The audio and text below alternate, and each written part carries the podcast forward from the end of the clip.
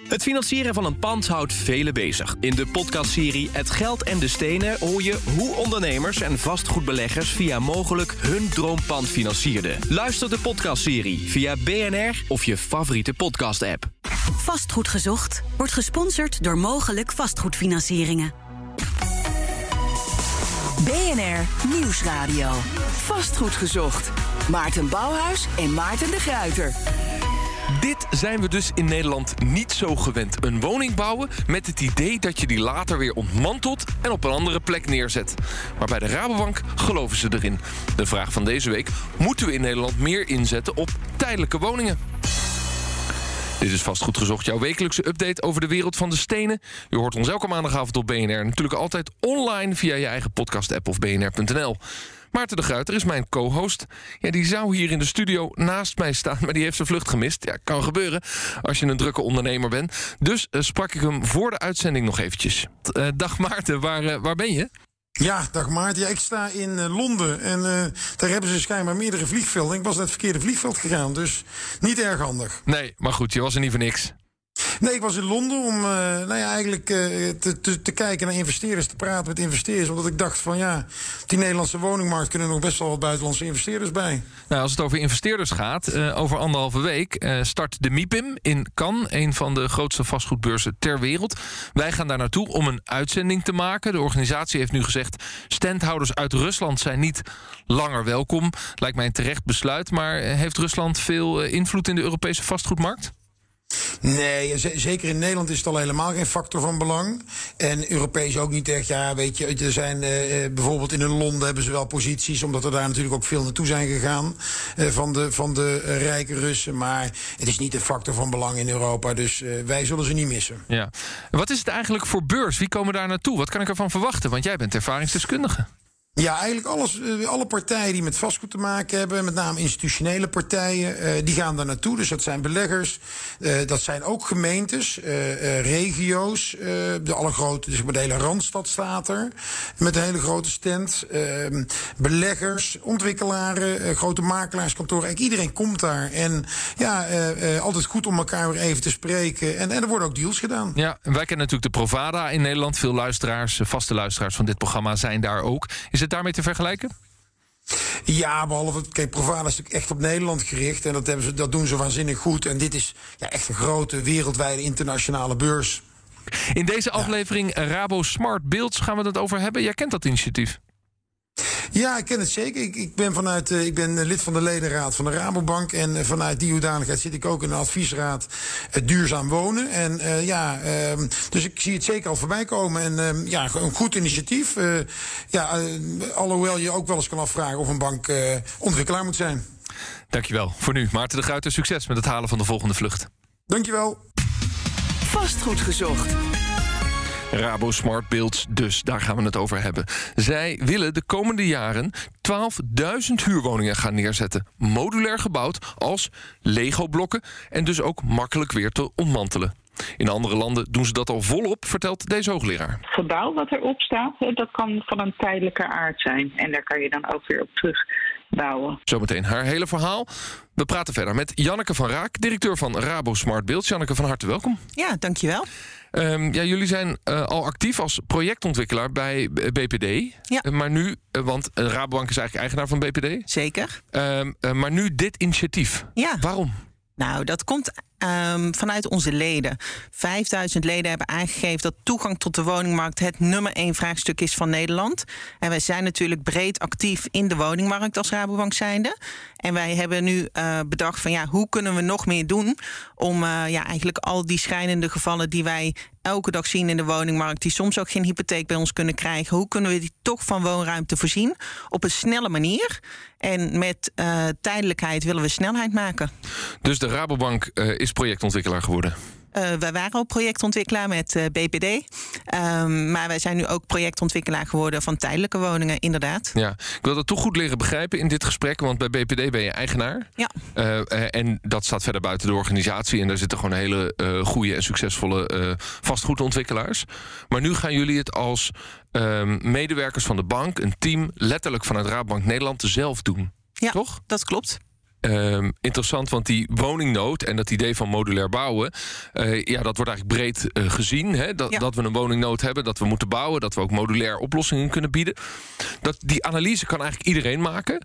Maar als bank zeg je, we willen onderdeel zijn van de oplossing. En dus gaan we het zelf doen. Terwijl je ook zou kunnen zeggen, ja, kijk naar wat jullie kerntaak is. Dat gaat over financiering Ja. bijvoorbeeld. En denk na over andere typen van financieringsproducten om snelheid te maken via BPD of via andere Ja. projectontwikkelaars. Dat is nog wel wat anders. Ja, dan zelf die auto gaan bouwen, zullen we maar zeggen, als je een tekort aan auto's hebt. Ja, nou dat, eh, dat klopt. Daar hebben we in eerste instantie ook naar gekeken. Hè. Kunnen we anders financieren? Maar wat je eigenlijk ziet is dat de rek eruit is. Hè. Dus ook als het gaat om hypotheeknormen, die zijn de afgelopen jaren al enorm opgerekt. Daar, eh, de AFM vindt daar ook wat van. Dus het verder oprekken en het anders financieren ja, gaat misschien eh, hoogstens nog een bepaalde groep eh, helpen aan extra financiering, maar zal een andere groep weer benadelen. Dus dat is niet de oplossing. Wij zien echt de oplossing in meer woningen in Nederland. Ja, en als je dat snel wil realiseren, dan zie je dat bijvoorbeeld de crisis- en herstelwet, dat die daar mogelijkheden toe biedt. Dat, en dat weten weinig mensen, is dat je tegenwoordig eh, ook voor langere jaren, 15 tot 30 jaar, ook vergunningen kan krijgen onder die crisis- eh, en herstelwet. En dat je dus ja, eigenlijk eh, ja, nieuwe mogelijkheden ziet. In de Kamerbrief van Hugo de Jonge van 14 februari werd er ook naar verwezen. Tijdelijk wonen wordt echt integraal onderdeel van hoe ook het ministerie naar wonen kijkt. En ehm, ja, het RVO geeft daar ook goede hulp bij. Dat is toch de crisis- en herstelwet die nog van Balkenende is? Eh, dat, ja, nou, dat, die is inderdaad eh, al, al langer Van de geleden crisis van gestart. 2008. Ja, maar die wordt wel geüpdate met, met zeg maar nieuwe mogelijkheden. Ja, dus het is een langlopende crisis- en herstelwet. Dat is Zeker. op zich interessant. Ja. Eh, ehm, dan, dan komt dat uiteindelijk tot stand omdat de leden hebben gezegd: ja, doe iets voor ons. Ja. Dus jullie dachten actie. Ja. Het moet wel een commercieel project worden vanuit de Raadbank. Het is niet alleen maar caricatief. Nou ja, het is zo dat wij er eh, natuurlijk ook wel een eh, minimum rendement aan over willen houden. Maar dit eh, is niet het project ehm, zeg maar, wat als doel heeft om daar de nieuwe winstpakken van de Rabobank van te maken. Nee, wij doen dit echt omdat we die woningnood zien en die maatschappelijke behoeften. Eerlijk gezegd, als die woningnood er niet zou zijn, dan zouden we hier ook niet zijn ingestapt. Nee, maar het interessante is dat het toch een vorm van branchevervaging is. Dat je als bank dit gaat doen. En hoe, wat, wat vonden die projectontwikkelaars er eigenlijk in de markt van? Dat is nu jouw markt geworden. Je hebt een, een nieuw, ja, nieuw segment aangeboord waar je, waar je Nou, eerlijk gezegd ehm, eh, zie ik de, de vastgoedmarkt wel als een vrij traditionele markt. Eh, ik eh, kom er niet vandaan, dus ik kan het zeggen. Ehm, en ehm, wat, wat ik zie is dat projectontwikkelaars in het begin wat terughoudend eh, reageerden. Maar dat ze het inmiddels heel erg interessant vinden. Want zij zien ook dat voor permanente ontwikkeling het langjarig duurt voordat je vergunningen krijgt. En ook voor ja, placemaking mogelijkheden en dergelijke. Ja, merken we steeds meer. placemaking. ja, dat, dat er alvast woningen komen te staan, die misschien op termijn weer weggaan, voor permanente woningen. Ja, ja, dat heet placemaking in mooi Nederlands. Ja. Eh, het project werd in de zomer van 2021, een half jaar geleden, aangekondigd. Waar staan jullie nu? Eh, waar we nu staan, we hebben het eh, in de zomer dus aangekondigd. We hebben van meer dan 80 gemeenten hebben we belangstelling getoond. of gekregen. Ja. Ehm, dat is ook de manier waarop wij werken. Dus wij werken anders dan traditionele projectontwikkelaars. Wij kijken echt naar de gemeente, de behoeften van de gemeente. En dat is onze startpositie. Dus niet de grondpositie zoals projectontwikkelaars te werk gaan. En met die gemeente eh, gaan we in gesprek. We zijn nu nog met meer dan 20 gemeenten in gesprek. En we zijn een aantal grondposities nadrukkelijk eh, aan het onderzoeken. om daar die woningen ook eh, ja, te realiseren. Ja, ja, dus waar een projectontwikkelaar eerst een stuk grond aankoopt en dan zegt, nou, zullen we wat doen, gemeente, om het plat te slaan? Hebben jullie gezegd, we hebben een concept. Dat zijn die ehm, ja, tijdelijke woningen, hè, ehm, die in een fabriek gemaakt worden. En die kunnen we eigenlijk heel snel neerzetten. Wie is er, wie is er geïnteresseerd? Absoluut. Dat is Ja. het idee. Nou, ehm, eh, kennen we in de ruimtelijke ordening doorlooptermijnen van 10 tot 15 jaar. Vanaf het begin van een idee tot uiteindelijk het realiseren van een woonwijk. Wat is dan de snelheid die jullie willen maken? Ja, wij willen dat echt binnen twee tot drie jaar realiseren. Dus echt substantiële snelheid maken. Eh, en dat is ook de, de primaire reden dat we dit opzetten. We zien inmiddels ook meer secundaire redenen ontstaan... eh, waardoor dit ja, als een goed idee wordt gezien in de markt. Ja, je ziet natuurlijk dat Nederland voor grote transities staat... Ehm, hoe logisch is het nog om bijvoorbeeld 4 meter onder NAP permanent te gaan bouwen? Hè? Wat vinden we daar over 20 jaar, 30 Nog steeds jaar over gepraat hè, bij Gouda, 6 meter onder NAP, wel of geen woonwijk. Precies. Maar wat nou als je daar een ander type woning neerzet die je over 20 jaar weer kan verplaatsen? Ja, ja, dan is het eigenlijk klimaatadaptief. Uh, alleen al door het feit dat je hem weg kunt halen. Ja. Maar voor die woning die je in die polder zet, zul je wel de infrastructuur uh, moeten aanleggen. Al is het gas, uh, water, om maar wat te noemen, maar ook wegen. Ja, die, die heb je dan over twintig jaar ook niet meer nodig als je zegt van we geven de polder terug aan de natuur. Dus dan, dan is het toch een beetje kapitaalvernietiging. Uh, als je het zo stelt wel. Uh, waar wij naar kijken is uh, in eerste instantie grondposities die ja, al dicht liggen bij bestaande infrastructuur, zodat die investeringen ook beperkt zijn. Ja, dus een beetje verlaten industrieterreinen waar ook wel eens wat gesloopt zou kunnen worden. Precies. Dan zeg je van nou, daar heb je de leidingen liggen. Ja. En, en, en daar kun je dan een, een, een klein woonblokje neerzetten. Absoluut. Ja, worden dat gezellige plek om te wonen eigenlijk? dat is wel de bedoeling, ja. ja. Nee, ja, omdat het dan toch een beetje dat soort verlaten plekken zouden kunnen zijn. Omdat dat de plekken zijn die de gemeente snel beschikbaar hebben. Ja, maar het is ook een community op zichzelf. Hè? Als je daar een, uh, minimaal 100 woningen neerzet, uh, dan kan je daar ook uh, gaan kijken hoe je daar een community van maakt.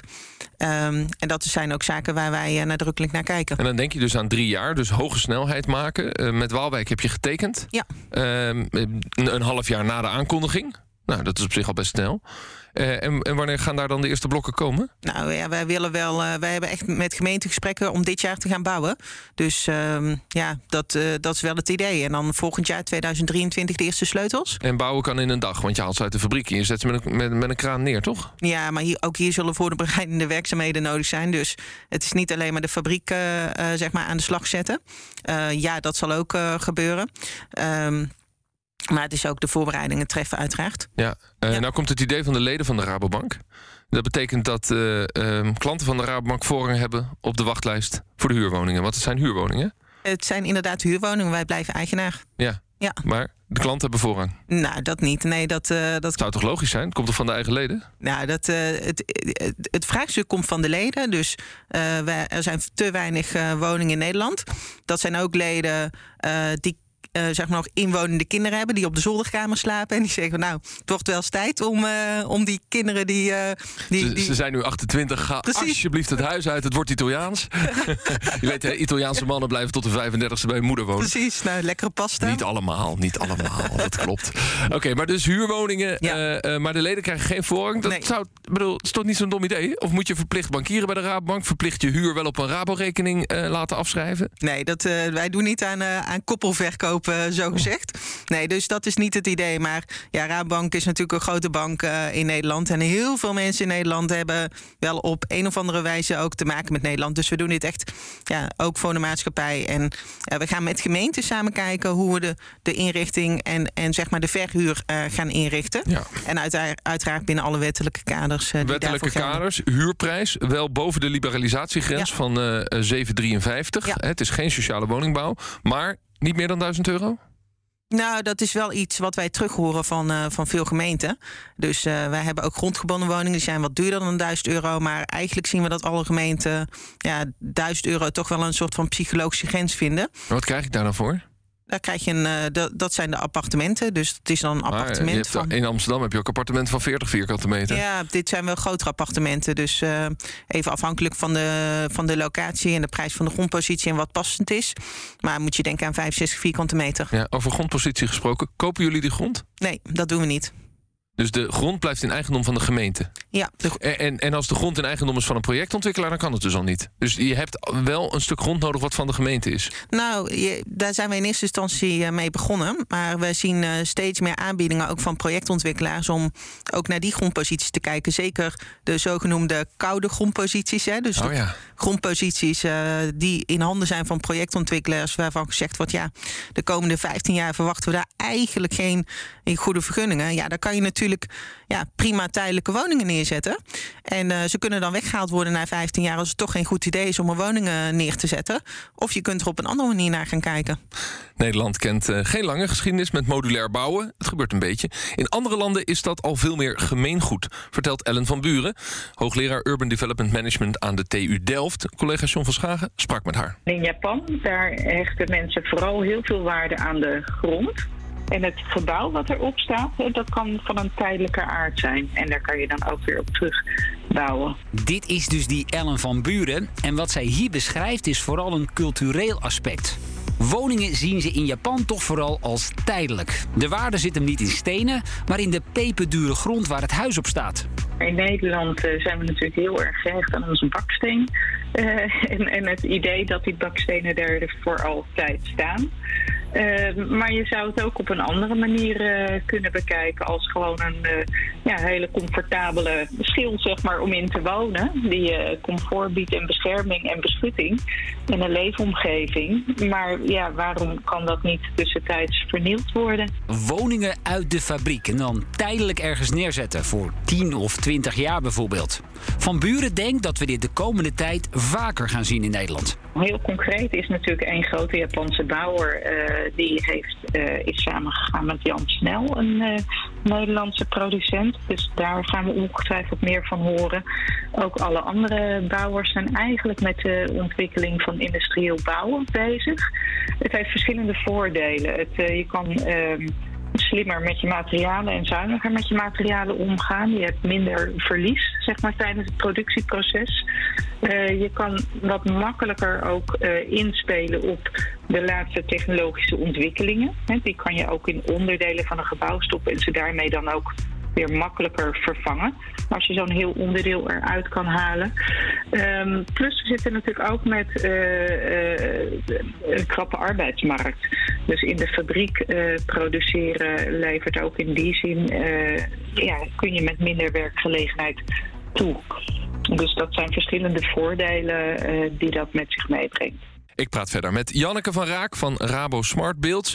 Um, ja, we hebben het over tijdelijkheid, tijdelijke woningen. Wat is tijdelijk eigenlijk? Wordt, na hoeveel jaar wordt het dan weggehaald? Ja, dat verschilt. Dat hangt af van de behoeften van de gemeente. Uh, wij maken langjarige afspraken met de gemeente, maar dat kan Wat zijn... heeft Waalwijk gezegd?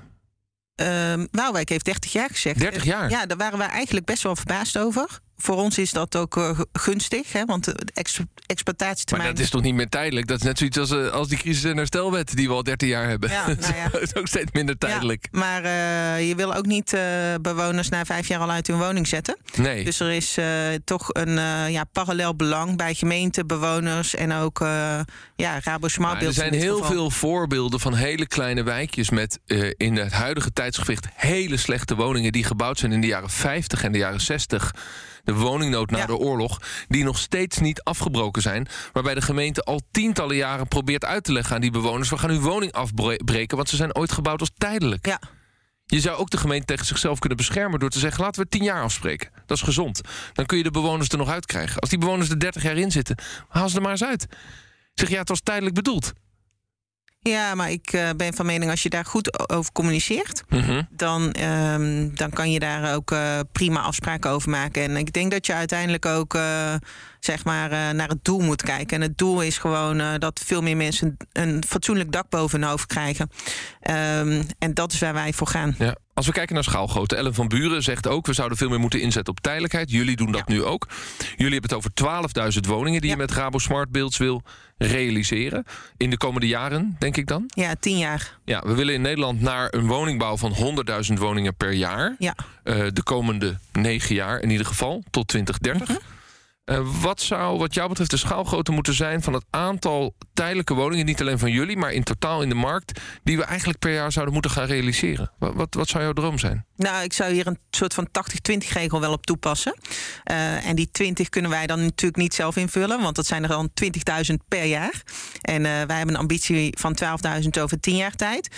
Maar als je kijkt, en dat is meer uh, als ik het heb over de visie hè, uh, voor Nederland voor de langere termijn. Uh, hoe logisch is het met een stijgende zeespiegel, uh, met een ja, Nederland? Hè, het, het, de naam zegt het al, de lage landen. Ja, ja en, de, en, de bodem zakt. En de, bo en de zeespiegel stijgt. Ja. 1 miljoen huizen die daar last van, van hebben op dit moment. Dus hoe logisch is permanent? Wat is permanent in ja, het kader van de transities waar wij naar kijken als samenleving? Ja, landschapsarchitecten van Kuiper Compagnons hebben een prachtig boek gemaakt. Wat gaat over Nederland in, uh, in 2300. En dat gaat gewoon over de vraag of de zee dan niet bij Apeldoorn begint. Ja. Uh, en de vraag, uh, hoe moet je nou omgaan met, met permanent en tijdelijk ja. in laag Nederland? He, dat is eigenlijk de vraag die daar op tafel ligt. Um, maar jij zegt, we zouden naar een 2080-regel moeten gaan... en we zouden dus veel meer tijdelijk moeten bouwen. Ja. Eh, eh, daar moeten we dan naartoe. Wat, wat zou er voor nodig zijn om Nederland daar aan te krijgen? Nou, wat je eigenlijk ziet is dat uh, bouwers al enorm investeren in productiecapaciteit. Dus aan die kant gebeurt er al heel veel. Je ziet dat de overheid, ik uh, kijk uit naar de plannen van Hugo de Jonge, die volgens mij later deze maand naar voren komen. Maar je ziet dat de overheid het ook steeds meer ziet. En dat je steeds meer, ja, dat de, de, wetgeving hier ook steeds meer op, op inspeelt. Um, dus um, ja, ik denk dat er nog een klein stukje lef nodig is. soms ook om gebruik te maken van de mogelijkheden die er al zijn. Ja, jullie willen 1200 woningen per jaar bouwen, snel gerekend. Hè? Ja. Uh, 12.000 tot 2030. Hoeveel gaan er in Waalwijk komen? Dat zijn er ruim 100. Oh, dus er moet nog een contract worden getekend dit jaar voor 1100 woningen in andere gemeenten. Ja, we starten eerst uh, klein. Hè. Dus uh, het idee is dat we dit jaar uh, drie tot vijf gemeenten aanhaken. Dus en, 4 tot 500 woningen. Ja, en dat we daarna zeg maar de verdere opschaling gaan organiseren. Ja. Oké, okay, wat voor woning wordt het eigenlijk? Want als ik er naar kijk, ik heb wat artist impressions gezien. Ja. een beetje blokdozerig, leuk geschakeld, zandkleurig, houtkleurige woningen. En, en dan appartementen, hoe groot? Ja, dat uh, zal zo 65 vierkante meter zijn als het om appartement gaat. Daar zien we nu ja, de vraag van gemeenten wel het, uh, het grootst naar. En uh, ja, we spreken met grote steden. En ja, daar heb je het al snel over hoogbouw. dat kan ook met deze modules.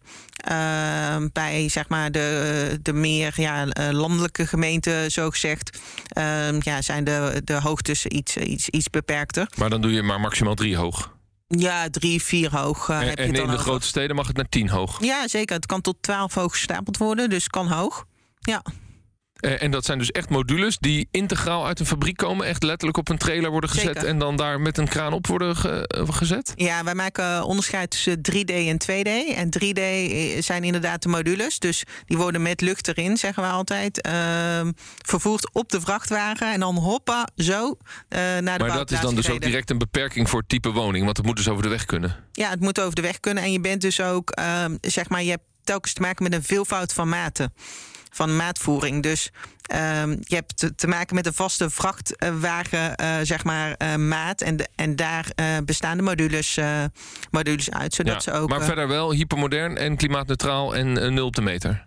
Het idee is dat ze inderdaad zeer energiezuinig zijn en aan de BING-normen voldoen. Dus de normen voor permanente bouw. Juist. Dan uh, iemand die luistert naar dit programma en denkt... nou, dat is wel wat voor mij of voor een van mijn kinderen. Ja. Hoe kom ik op de lijst? Nou, ik zou zeggen, bel je gemeente. Um, want uh, de gemeente is onze gesprekspartner. En uh, vraag uh, of je gemeente contact opneemt met ons. Oh, jij wil via de nieuwe huurders de druk op het project verhogen? dat er inwoners zijn die tegen de wethouder zeggen van... heb je Janneke al gesproken? Nee, ik begrijp Precies. het. Nou, maar als je in Waalwijk, ja. in Waalwijk woont, dan, dan, dan gaat het gebeuren. Ja, nou, dat is wel de bedoeling, ja. maar die lijst is al open? Nee, nog niet. Nee, we willen nu eerst. We zijn verschillende grondposities waar wij. Maar je weet hoe het gaat. Op het ja. moment dat je die lijst openzet, dan heb je tien keer zoveel inschrijvingen als dat je aan kunt. Ja, zeker. Want uh, wij, het hoe ga je dat oplossen? Wat wordt het? Uh, wie het eerst komt, wie het eerst maalt? Nou ja, dat willen we dus met de gemeente uh, bespreken. Want wat je ook veel ziet, is bijvoorbeeld bij sociale huurwoningen zijn scheefwoners. Dus wie weet is er wel een behoefte om scheefwoners te laten doorstromen. Uh, en, uh, en hen een stukje prioriteit te geven. Dankjewel, Janneke van Raak. Voor dit gesprek van Rabo Smart Beelds. Dank voor je komst naar de studio. Volgende week zijn we er natuurlijk weer. En dan zijn de gemeenteraadsverkiezingen, 16 maart. En gaan we praten met wethouder Stijn Steenbakkers van Eindhoven. Hij schreef een boekje over het succes van zijn stad... maar ook de schaduwkant die daar aan kleeft. Dat allemaal volgende week. Bedankt voor het luisteren. Dag. Vastgoed gezocht wordt gesponsord door mogelijk vastgoedfinancieringen.